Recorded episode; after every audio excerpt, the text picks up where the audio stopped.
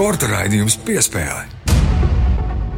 Esiet sveicināti Latvijas radio pirmā kanāla sporta raidījuma piespēle klausītāji. Kārtējā svētdienā atkal raidījums piespēle jūsu ausīs un radio uztvērējos studijā Mārtiņš Kļavnieks un Mārs Bergs. Sveiks, Māri! Sveiks, Mārtiņ! Sveicināti klausītāji! Varbūt, ka pamanījāt, varbūt, ka palaidāt garām, bet palaist garām ir ļoti grūti šo konkrēto faktu Rīgā un arī Tamperē ir sācies pasaules čempionāts hokeja, bet galvenokārt jau Rīgā, jo tas skar Rīgas iedzīvotājus. Um, nu, šāds tāds troksnis uh, pēc 11. Uh, uh, vakarā un ievelkoties vēl pat pēc pusnakts, fāni, to pārvietošanās, vis kaut kādas tādas interesantas lietas, kas sen nav bijušas. Kuram tas patīk, kuram tas ir apgrūtinājums, bet pasaules čempionāts ir sācies un tieši tāpēc šajā nedēļā par to arī runāsim. Jā, pasaules čempionāts ir sācies un Rīgā ir diezgan daudz cilvēku ar citu citu valstu valstsvienību krekliem, un uh, tos mēs tiešām redzam diezgan daudz ielās. Un, protams, jā, kā jau Mārtiņa minēja, mēs raidījumā runāsim par pasaules čempionātu hokeja un runāsim arī par hokeju mazliet plašākā kontekstā.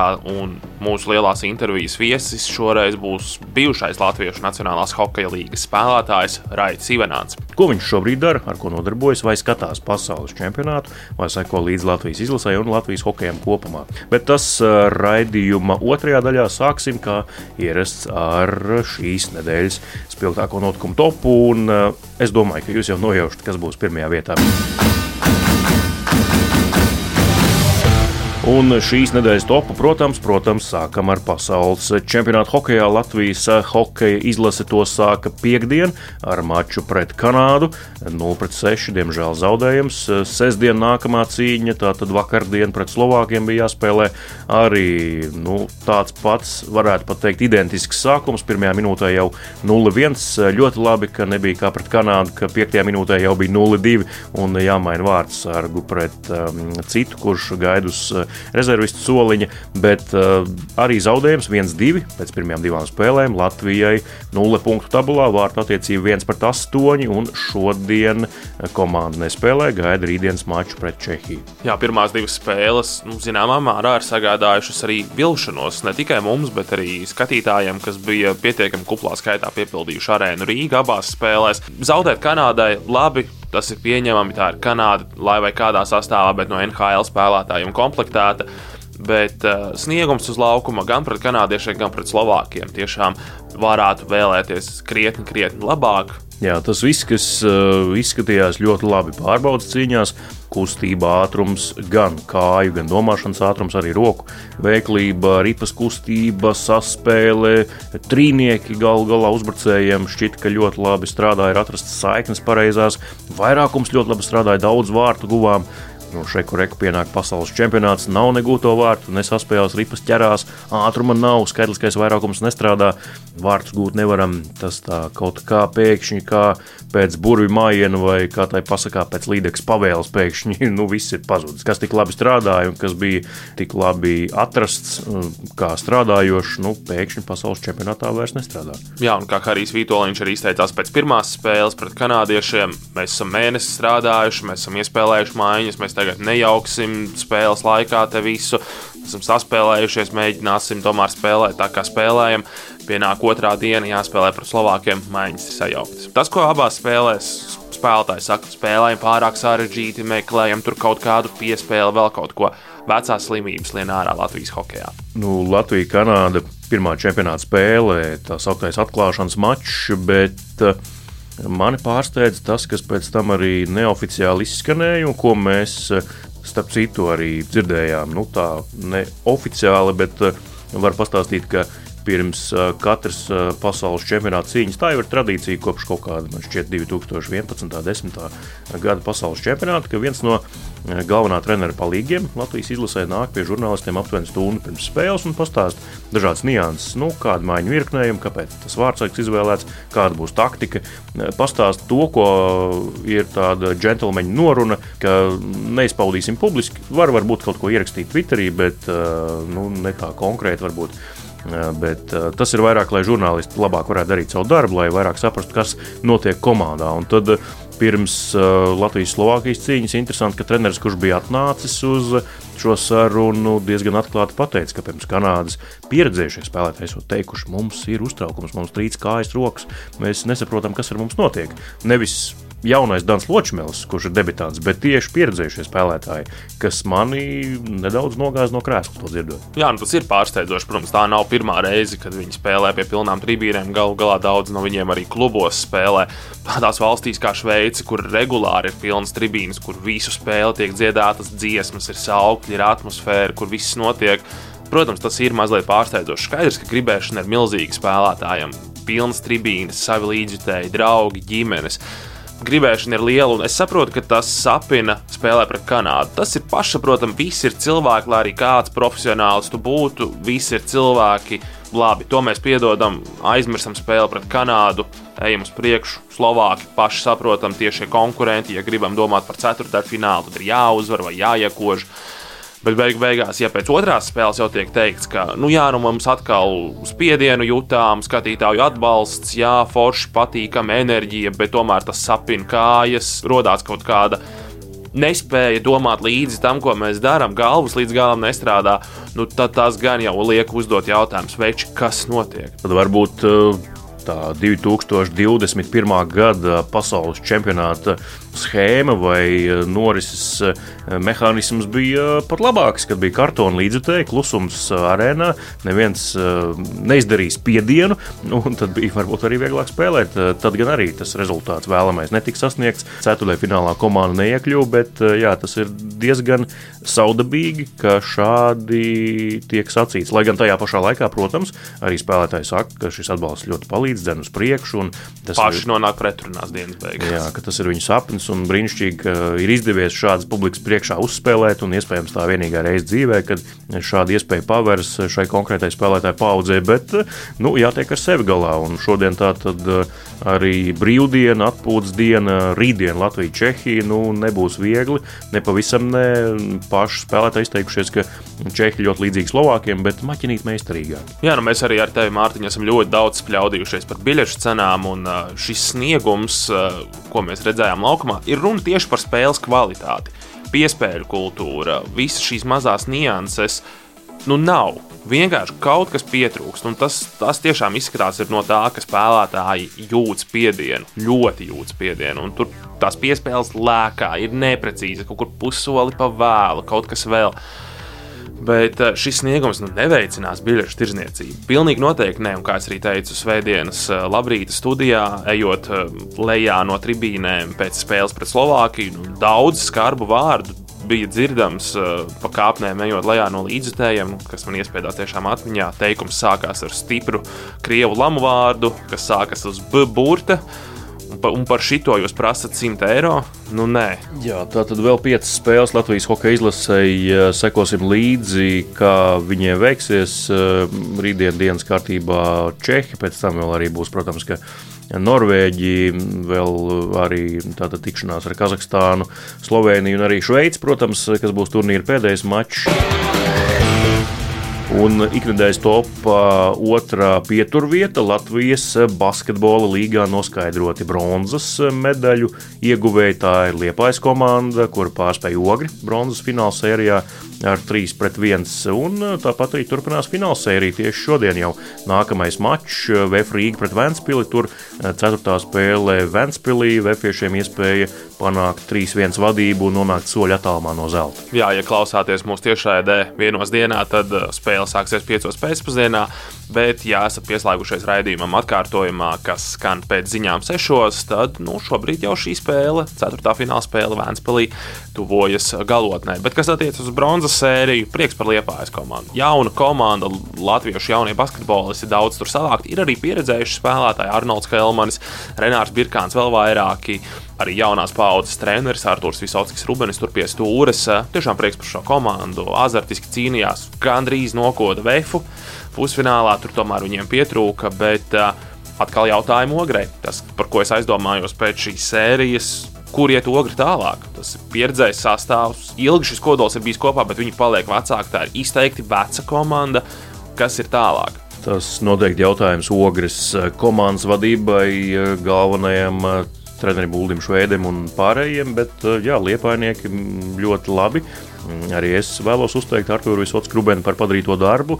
Tas audzina nākamos izlases kandidātus, numur viens, un tā tad arī sagādā liepājas basketbola līdzjutējiem jau tūlītēji prieku. Nav jāgaida, kad tie jaunie izaugs un kad mēs viņus varēsim vērot darbībā. Savukārt fināla sērijā nu, viss iet uz to, ka Vēfs tomēr laikam triumfēs. Jā, otrajā un trešajā spēlē Vēfs tomēr izskatījās krietni pārliecinošāk. Gan mazie spēlētāji labāk darbojās, gan arī garajā galā Vēfi tomēr ar spēku un ar masu, bet nospiež uh, Vēnspilsnu. Mēs citēsim uh, kolēģi no Latvijas televīzijas Uģi Jokstu. Mēs par septiņām spēlēm, bet mēs dodamies tālāk uz nedēļas topu pēdējo pieturvietu.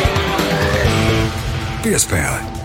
Un pēdējā top pieturvieta, pavisam īsi, tas ir uzsverams un svarīgs fakts. 28. maijā Latvijas Olimpiskās komitejas ģenerālā asambleja ārkārtas sesija, jo pavisam nesen aprīlī jau bija viena ģenerāla asambleja, nu, protams, tā sasaukta, jo pēc iepriekšējās atklātībā nāca fakti par Žorža Tikmera um, organizācijas prezidenta iespējamo interešu konfliktu, kad viņa dzīves biedrs, bijusī un esošā um, apmainījās uh, vietām um, dažādu firmu valdes locekļu amatos, un šīs firmas apkalpo tieši Latvijas Olimpisko komiteju, sniedz dažādas pakalpojumus. Sākotnēji šo ģenerālo asambleju Loka sasauca, lai skaidrotu šo situāciju biedriem, bet uh, nu, pat jau šonadēļ oficiāli arī parādījās tas, kas aizkulisēs mutojo jau kādu labu laiku, ka izteikta neusticība, oficiāli izteikta neusticība Latvijas Olimpiskās komitejas vadībai, Žoržam Tikmeram un arī ģenerālsekretāram Kārlim Lēniekam. Iespējams, ka viņi 26. maijā zaudēs šo amatu. Jā, vairākas tātad federācijas ir iesniegušas vai parakstījušas iesniegumu par neusticības izteikšanu. Tātad būs balsojums par Žorža Tikmera un Kārļa Lēnieka atstādināšanu no amatiem. Jā, Mārtiņ, kā jau minēji par aizkulisēm, tad šī neapmierinātība sporta vidē ar loku darbību ir gruzdējusi ilgi. Tur apakšā tā tāds kūdras, purva ugunsgrēks. Mēs zinām, to, tos, tos ir grūti nodzēst. Un, uh, tas grūzdēja, grūzdēja līdz beig beigās uzšāvās gaisā ar atklātu liesmu. Un, uh, nu, šajā nedēļā mēs redzējām otro piemēru pēdējā gada laikā Latvijas sportā, kā tiek ļoti strauji ieslēgta atpakaļgaita. Ja pirmais bija pagājušajā vasarā Mikls Indrašs, tad šoreiz Žoržs Tikmers nāca klajā ar publisku paziņojumu, atvainojoties Latvijas Basketbola Savienībai par saviem izteikumiem, sakot, ka viņš ir bijis pārāk emocionāls, apvainojot Basketbola Savienību apvērsuma veidošanā Latvijas Olimpiskajā komitejā un tam līdzīgi. Nu, šis ir tas gadījums, kad tu jūti deguna smaku un liesmas jau sāk svilināt pēcpusi. Nu, tad tu mēģini uzliekt painīt ūdeni, lai tās liesmas mazliet padzesētu. Kārlis Lēnieks šos ugunsgrēkus parasti publiski mēģina dzēst ar savu diplomātiju, kas ir viņa stiprā puse, bet eh, nevienmēr izdodas. Nu, un, eh, jā, tas noteikti arī būs vēl viens interesants notikums paralēli pasaules hokeja čempionāta izšķirošajām spēlēm, kas notiks 26. maijā. Sekosim līdzi un skatīsimies, kas tad notiks Latvijas Olimpiskās komitejas ārkārtas ģenerālās asamblejas sesijā. Bet mēs gan liekam punktu šobrīd nedēļas topam un jau tuliņa lielā intervija ar Raitu Ivanānu. Sporta raidījums piespēlē lielā intervijā arī saistīta ar hokeju, bet drusciņā citā plāksnē, ne par pasaules čempionātu tiešā nozīmē, jo, nu, jāatzīst, šis spēlētājs Latvijas izlasē spēlēs tikai vienā pasaules čempionātā, bet es domāju, ka tie, kur seko līdzi hokejam, pēdējos desmit gadus eh, vai vairāk, noteikti zina šo vārdu un uzvārdu. Šobrīd lielajā intervijā mēs runāsim par hokeju plašāk, arī ārpus pasaules čempionāta. Un, lai to darītu, mums ir pievienojies neviens cits kā Raits Ivanāns. Sveiks, Raiti! Sveiki! Rīgā ir sācies pasaules čempionāts, kā ir, vai pasaules čempionāts ietilpst tavā dienas kārtībā, paskatīties kādas spēles vai vismaz rezultātus eh, izskatīt cauri. Nē, noteikti katru gadu es sakoju līdzi un uh, sako līdzi arī jūsu visām intervijām. Un, uh, jā, jā, sako līdzi un lasu, un uh, kā, skatīšos arī. Kā Amerikā vispār ir iespējams skatīties pasaules čempionāta spēles, tur tomēr Stanley Kausa playoffi un galu galā hokejs amerikāņiem nav gluži numur viens sporta veids, un tagad arī beisbola sezona iet. Un basketbols vēl ir. Vairāk NHL spēles tagad iet pa, iet pa vietējiem kanāliem. Pasaules čempionāts un Un tās pārējais ir, man liekas, tikai par NHL network, tāda kabeļa televīzija, par kuru jāmaksā atsevišķi. Tāpēc viss ir bijis sarežģītāks. Un, un, un, bet tie, kas zina un, un interesējās, iespēja ir, ir, ir skatīties. Sarežģīti izklausās amerikāņiem, bet kā tev vispār ar hokeja skatīšanos kā tādu? Labi, viens ir pasaules čempionāts, sekot līdz Latvijas izlasē, protams, svēta lieta, bet kā tev vispār ar hokeja skatīšanos, ar to pašu NHL, ar kādām citām līgām paskatīties, pasakot līdzi, vai vēl ir interesi to darīt? Nē, nē, protams, es skatos regulāri, skatos visas spēles, arī basketbolu. Un, jā, Stanley Kausa, protams, katru spēli skatos. Tev ir kāda nu, sirdī tuvākā komanda, vai tu biji par uh, Los Angeles karaļiem vai par kādu citu? nē, nu, jā, protams, par karaļiem. Bet nē, nu, gribās, lai jau kāda Kanādas komanda vinna Edmontonu iet labi un Reku Toronto tagad. Uh, mēģina vēl dzīvot. Tā kā, tā kā jau redzēs. Bet uh, par pasaules čempionātu tā noslēdzot skatīšanās ziņā, tas vispār ir tāds notikums, nu, kam seko līdzi. Tu labi, tu esi Latvijas, tu zini, kas tas ir, bet tavi draugi, paziņas Amerikā uh, arī seko tam līdzi, zina, ka tāds notiek vispār. Nu, jāsaka, godīgi, nu, tie, kas, nu, tie, kas zina hokeju, jā, seko līdzi, kuriem varbūt dēli vai, vai, vai pazīstami spēlē. Nu, vienalga, eh, seko tie, kas zina hokeju, nu, bet tāds parasts cilvēks. Ja tas nav ikdienas televīzijā, es domāju, pat nezinu, kad, eh, kad tāds notiek. Bet hokeja zinošs cilvēks, es domāju, nu jā, sako līdzi. Gribējām jautāt, eh, cik daudz eh, zini par to, kas šobrīd notiek Latvijas hokejā, par to, kā Latvijas hokejs attīstās? Jo es atceros, ka nu, tur rīkoja nometnes dažas vasaras ar Rodrigo Laviņu kopā. Cik tu tagad seko līdzi jā, Latvijas hokejam? Tas, kas viss ziņās un aprunājos arī ar draugiem, nē, sekoju, sekoju līdzi visam. Jā. Ar nometnēm mums nav vairāk ar Rodžeru, bet nē, nu, par visu tas, kas ir, es sakoju līdzi. Kā tu raksturotu, nu, kādā punktā atrodas šobrīd, tavuprāt, Latvijas hokejs ir kaut kādi jaunie talanti, šādi tādi NHL spēlētāji daudz vairāk nekā varbūt tavā laikā, kad tu biji vienīgais arī vienu brīdi? Nē, nu jā, re, kā tagad ar to, ar tas, kā tas Covid, it kā It kā tas bija sen, it kā nesen, tā kā tas visiem, man liekas, to, to visu to laikus uh, izbojājis. Bet uh, nē, jauniem, jā, 18, 20, un tie ir arī tur maziem jaunākiem. Tā kā, nu, uh, Nu, ir, es domāju, ir, ir mums Latvijā talanti. Jā, par tevi šobrīd arī gribējām vaicāt. Nu, tā tad uh, saprotam, ka es nobāzējies Amerikā, Rokfordā.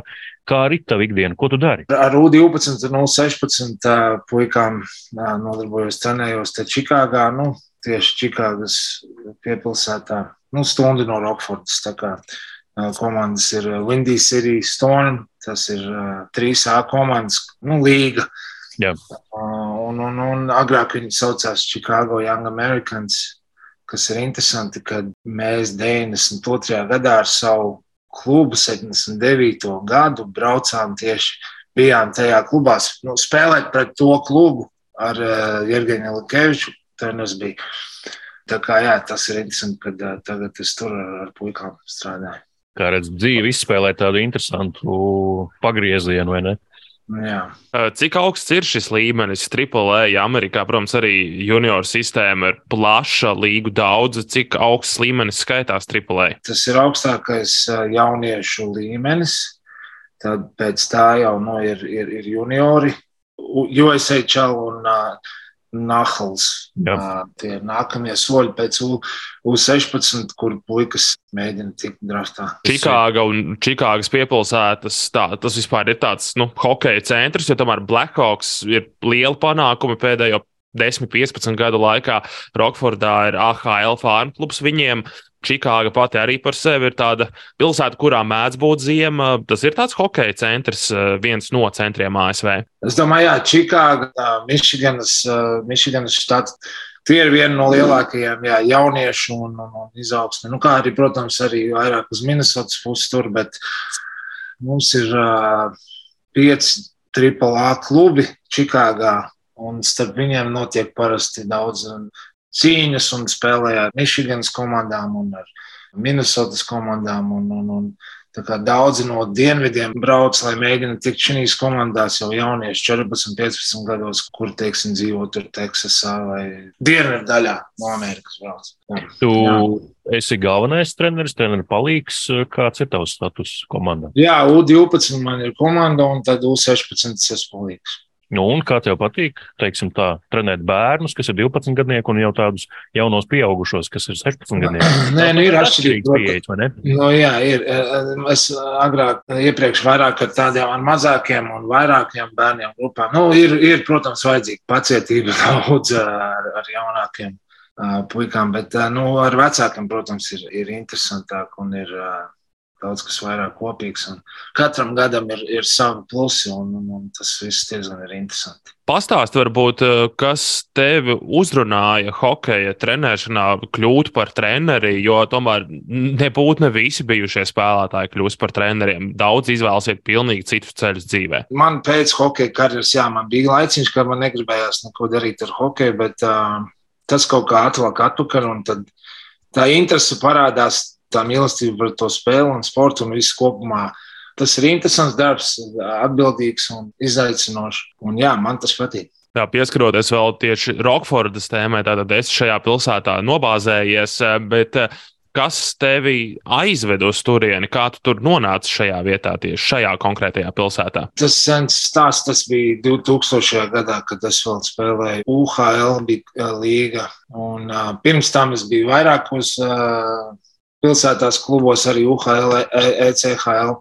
Nobāzējos šī pilsētā, tāpēc, kad um, bija jau apnicis, viņš braukāt no vasaras uz vasaru. Nebija dzīves vietas, tādas nu, pamat dzīves vietas. Un, un, un tā arī mēs kaut kā apdomājām blakām Čikāgu vairāk iespēju. Un tā kā palikām šeit, nopirkām māju pa vasaru. Un, visur eh, karjeras turpinājās, bet uh, braucu atpakaļ šeit, vasarās dzīvot, jo te bija iespēja trenēties. Uz, uz Latviju bija vieglāk aizbraukt nekā teiksim, no Teksasas vai no vienalga kurienes. Nu, tāpēc. Mm. Amerika, tad varam teikt, eh, pilnvērtīgi tev ir mājas un tur es uz palikšanu. Jā, nu, jā es, es atbraucu 96. gadā, bet tas bija Kanādā. Tā kā nu, ir laiciņš, jā. Vairāk nekā pusi dzīves tomēr ir pavadīta Amerikas Savienotajās valstīs. Jā, tā ir. Par amerikāņu hokeju vēl un to sistēmu noslēdzot, nu, viņiem ir ļoti laba hokeja sistēma, kas izaudzina arī NHL zvaigznes un pierādījusi sevi gadu gaitā.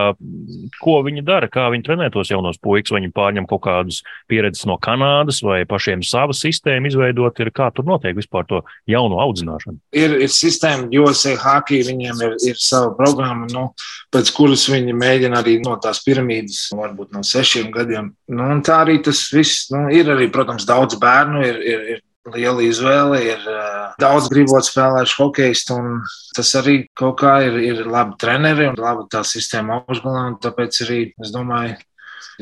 Tev ir jāvadās pēc kaut kādas rokas grāmatas, ko viņi tev izsniedz, vai tu kā treneris varbūt pietiekami brīvs no nu, 12 gadniekiem, piemēram.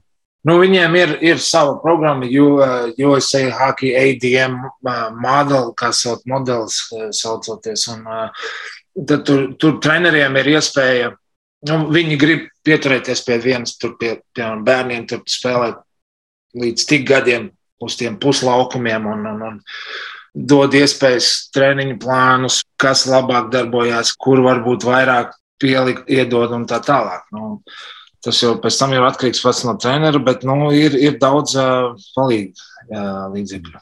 Tādā rāmī ir jāturās tomēr. Ja? Mhm. Jā.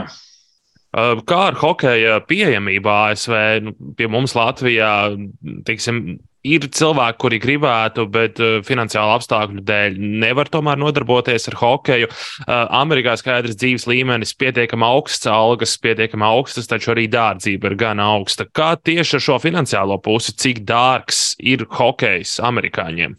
3A līmenī, AAA līmenī nu, ir dārgs ar visiem lediem, ar visiem izbraukumiem, ar ekipējumiem. Ir dārgs. Uh, tas ir uz visu uz vecāku pleciem. Tā kā Amerikā un Latvijā tā situācija diezgan līdzīga šajā gadījumā. Nu, es domāju, jā, nu, es nezinu īsti cik Latvijā, bet uh, tas ir dārgs. Nu, jau no U12, no U11. Nu, ja, ja ir jāmaksā tie visi komandas izdevumi, un plus ir visi tie hoteļi un uh, pārbraucieni, un ja jālido kaut kur, tas viss ir uz vecākiem un uh, ir dārgi par uh, hokeju un tavu hokeju karjeru, vai Raits Ivanāns šobrīd arī vēl paņem hokeja formu, uzvāk un uzspēlē, vai tam ir pielikts punkts pavisam un uz visiem laikiem?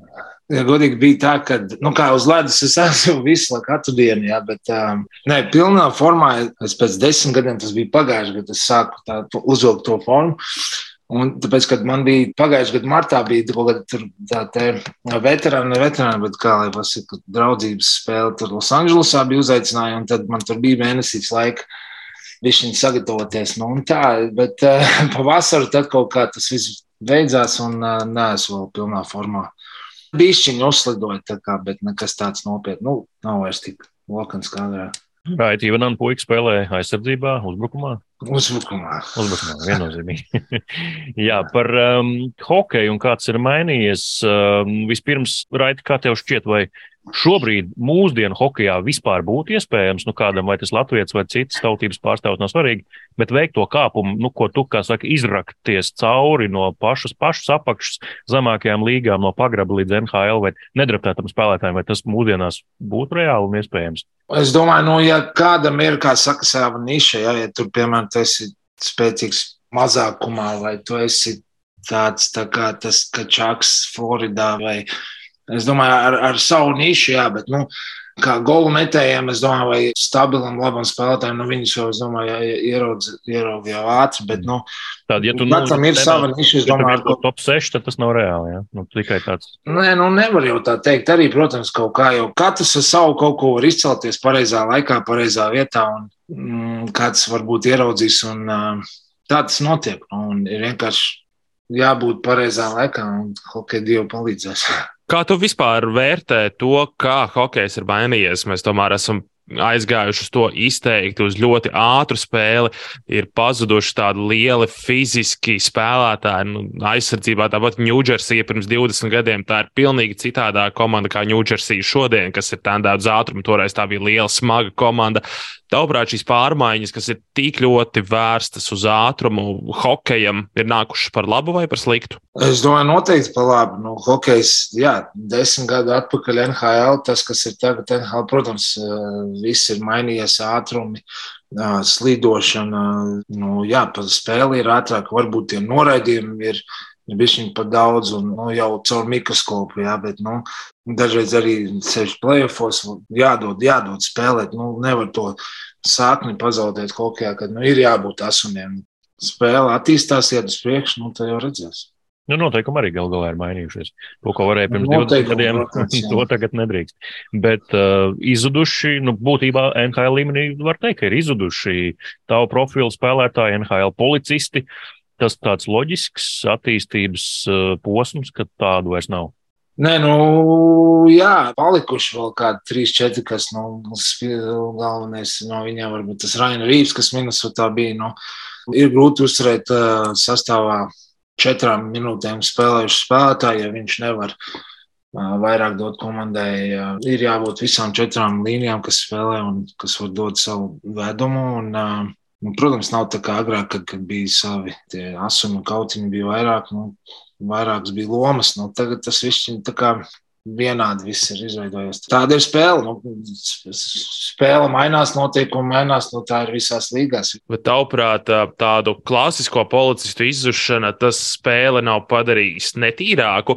Jo tagad, skatoties to pašu Stanley kausa izcīņu, ir daudz netīras, rupjas spēles, kaut vai nu, pat Aleks Petrangelo, nu, burtiski kā ar cirvi, ar nūju iešāvu par rokām Leonam Draizētlam. Nu, tiešām kā malkas cirtējs. Nu, ja tur būtu blakus tāds kārtīgs policists, tad Petrangelo Angelo droši vien lūgtos diskvalifikācijā, lai nākamajā spēlē bez zobiem nepaliktu. Nu, jā, bet arī redziet, tie noteikumi vairāk pasargā tos spēlētājus. Arī, nu, Jā, protams, ar savu klātbūtni jau var, jau var to, to pašu Ryan Reeves pastīties no Minnesotas labi playoffā. Viņam negāja, bet ar viņa līdzdalību ir, es domāju, daudzas spēles ir uh, gājušas labu, nu, labāk viņu virzienā. Jo tikai ar to, ka viņš ir sastāvā un ar, ar to rēķinās, ar to varbūt nevar redzēt, ja, bet nu, spēlētāji zina, tie, kas nu, pretspēlētāji un arī savu komandu var spēlēt, būt uh, diviem centimetriem garāki un uh, drošāki uz laukuma. Jā, noslēdzot šo policistu tēmu, Raita, nu nav noslēpums arī tavai karjerai daļēji vai lielā mērā punktu pieliks smadzeņu satricinājums. Tomēr daudz prasa no ķermeņa tieši šādu profilu hokeja spēlēšana. Vai tev pēc karjeras ir kaut kādas problēmas, ar ko tev jāsaskaras, kas tev varbūt jārisina tieši ķermeņa ziņā? Nu, nē, tādas ne, ne, galva, galva kārtībā, viss kārtībā. Nē, nav nekā tāda. Ne ar galvu saistīts. Nu, kā, protams, savs. Uh, ne tikai ar galvu, varbūt, nezinu, tur plauks, locītavs vai kaut kas tāds. Nu, ir, nu, jā, ir, jā, nu, tas, es domāju, katram hokeistam uz vecumu bišķiņu, nu, tad, tad, kad tu biji jauns un jūri bija līdz kājām, tad, jā, visu, nu, tagad tas viss nāk atpakaļ, tās locītavs un tad stīvums, nu, ir, ir, ir. Bet nekas tāds nopietns nav, tu vari funkcionēt, dzīvot viss kārtībā, komfortabli. Jā, jā, jā, viss kārtībā, Prieks dzirdēt. Kā tev nonākot atkal šajā te varbūt apaļveida kompozīcijā atpakaļ pie pasaules čempionāta, Latvijas izlases, protams, mājas čempionātā no viņiem gaida daudz. Tev bija vēl kāda iespēja uzspēlēt kādā citā čempionātā, vai tā, tas Kanādas čempionāts 2008. gadā bija vienīgais, uz kur tevi aicināja un kurā tu arī reāli uzspēlēji? Es neatceros īsti. Bija, man liekas, bet tur nebija kaut kas nesanāca, vai kaut kas, kaut kas nebija, vai trauma bija. Bet, nu, jā, tas Kanādas bija vienīgais. Un, bija labas, protams, atmiņas un uh, bija interesanti. Vismaz labi, ka vienā nospēlēju, uzspēlēju un pabiju puikām. Un tagad tas, tu zini, ko tas nozīmē un kā būt tajā ģērbtuvē un satikt savus čaļus. Un, uh, tas jā, bija interesanti. Lieliski. Raits Ivanāns, Latvijas radio pirmā kanāla sporta radījuma piespēle viesis pasaules čempionāta trešajā dienā šeit Rīgā. Paldies, Raiti, par šo sarunu, lai veids turpmāk un iespējams uz kādu citu sarunu atkal raidījumā piespēle par hokeju kādu citu gadu. Lai veids un paldies! Jā, paldies! Jā, paldies, Raiti, ka atradi laiku pieslēgties un veiksim darbos. Okay, Jā, paldies! paldies. Sporta raidījums piespēle. Studijā Mārtiņš Kļavnieks un Mārs Bergs.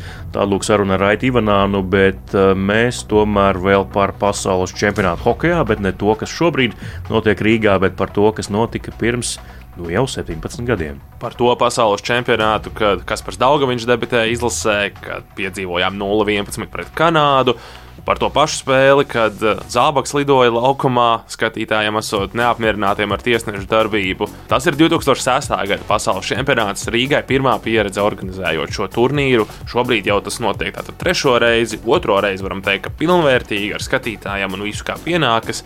Bet eh, rubrikā Vēstures stūrītis mūsu kolēģis Reinis Grunspeņš arī atskatījās uz 2006. gada pasaules čempionāta notikumiem. Klausāmies! Vēstures stūrītis.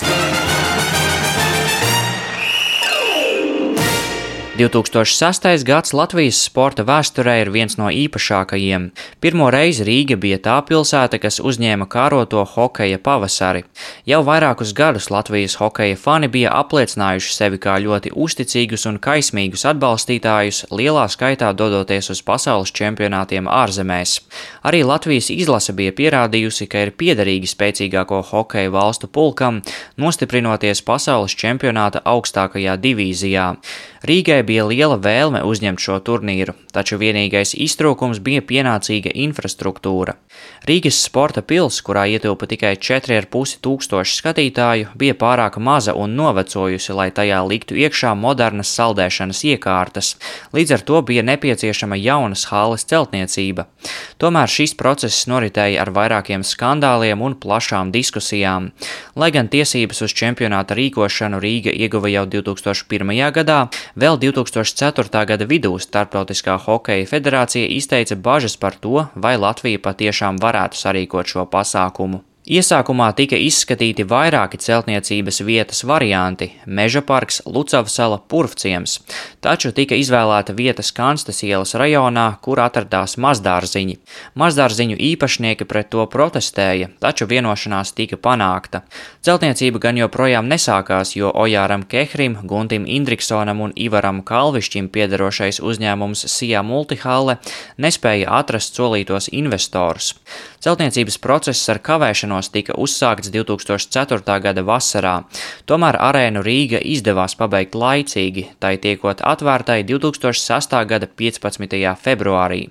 Savukārt čempionāta otra arēna, kas bija pagaidu hokeja laukums Skonto hallē, tika nodota eksploatācijā tikai divas dienas pirms čempionāta sākuma. Likumsakarīgi, ka čempionāta laikā spēļu norise nenoritēja pilnīgi gludi. Turnīra sastajā dienā mačā starp Zviedrijas un Šveices izlasēm Skonto hallē ielūza ledus. Tas notika pie viena no rezervistu soliņiem spēles otrajā trešdaļā. Sākumā to mēģināja salabot tiesneši, bet tad darbā tika laista īpaša saldēšanas ierīce. Tomēr tas ilga apmēram stundu. Latvijas Hokeja federācijas prezidents tobrīd bija Kirovs Lipmans, kurš atzina, ka ielūzušais ledus nav būtiska problēma, un līdzīgas situācijas notiekot gandrīz katrā hokeja čempionātā. Sportiskajā ziņā Latvija savā pirmajā mājas čempionātā ieņēma desmito vietu. Izlasi vadīja krievu speciālists Piotrs Vorobjovs, kuram tas bija vienīgais turnīrs pie Latvijas stūres. Sastāvā bija gan pieredzējušie spēlētāji Aleksandrs Semjonovs, Grigorijs Panteļējevs un Leonīts Tambijevs, gan jaunie un talantīgie Kaspars Daugaviņš, Lauris Dārziņš un Miķelis Rēdlihs. Pamatvārdsarga loma bija uzticēta Sergejam Naumovam. Čempionāts tika iesākts ar godpilnu neizšķirtu 1-1 pret Čehijas izlasi, ko klātienē noraudzījās vairāk nekā 10,5 tūkstoši skatītāju. Turpinājumā gan ar 0-5 zaudēts Somijai, bet grupas izšķirošajā mačā pēc būšanas iedzinējos ar 0-1 tika iemesti 5 vārti pēc kārtas un gūta pārliecinoša uzvara pret Sloveniju, kuras rindās spēlēja tobrīd vēl jaunais Anže Kopitars. Turnīra otrā kārta tika ievadīta ar bēdīgi slaveno spēli pret Kanādu, kuras pārākumu nācās atzīt ar 0-11. Par mača galveno zvaigzni gan kļuva amerikāņu tiesnesis Riks Lūkers, kurš visā spēlē Latvijai bija piešķīris 32 soda minūtes, saskatot kādu pārkāpumu ik uz soļa. Līdzjutēju mērs bija pilns jau pirmās trešdaļas 15. minūtē, kad tiesneša izsvilpšanu sāka papildināt arī uz ledus mestās monētas. Vēlāk spēle pārvērtās par milzīgu haosu, laukumā lidojot dažādākajiem priekšmetiem un hokeistam Jānim Spruktam dodoties pie mikrofona, lai aicinātu saniknoto publiku nomierināties. Interesanti, ka salasot uz laukuma uzmestās monētas, tika kopā saskaitīti 17 lati. Deviņus no saviem 11 vārtiem kanādieši iemeta tieši skaitliskajā vairākumā. Atlikušajās spēlēs ar 2-4 zaudēts amerikāņiem un ar 4-2 pārspēti norvēģi, tomēr līdz iekļūšanai ceturdaļfinālā ar to bija par maz. No pārējām komandām Rīgā bija ieradušies daudzi spēlētāji, kuri pirms dažiem mēnešiem bija kāruši kaklā olimpiskās medaļas Turīnā. Uz ledus varēja vērot tādas zvaigznes kā Sidnijs Krosbijs, Patrīs Beržerons, Brendans Šenehens, Niklas Kronvals, Henriks Seterbergs, Aleksandrs Ovečkins un Jevgeņijs Malkins.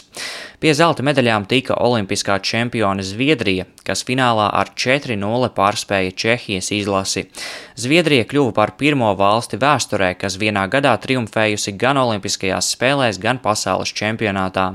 Savukārt bronzas medaļas tika Somijai. Jāpiemin, ka par čempionāta trešo rezultatīvāko hokeistu ar trim vārtiem un 11 rezultatīvām piespēlēm kļuva pašreizējais Latvijas izlases trenera asistents Soms Peteri Numelins.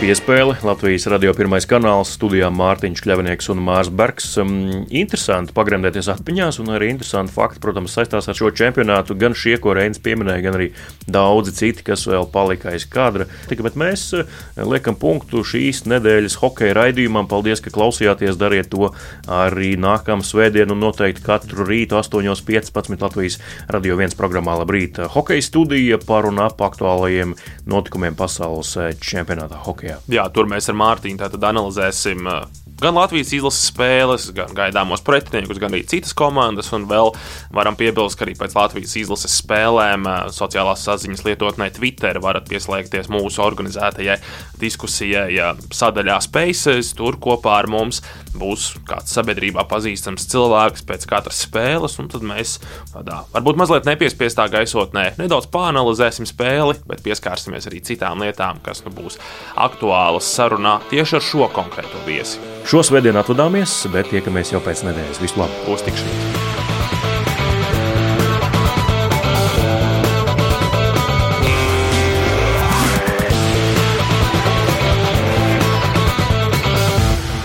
sporta raidījums piespēlē.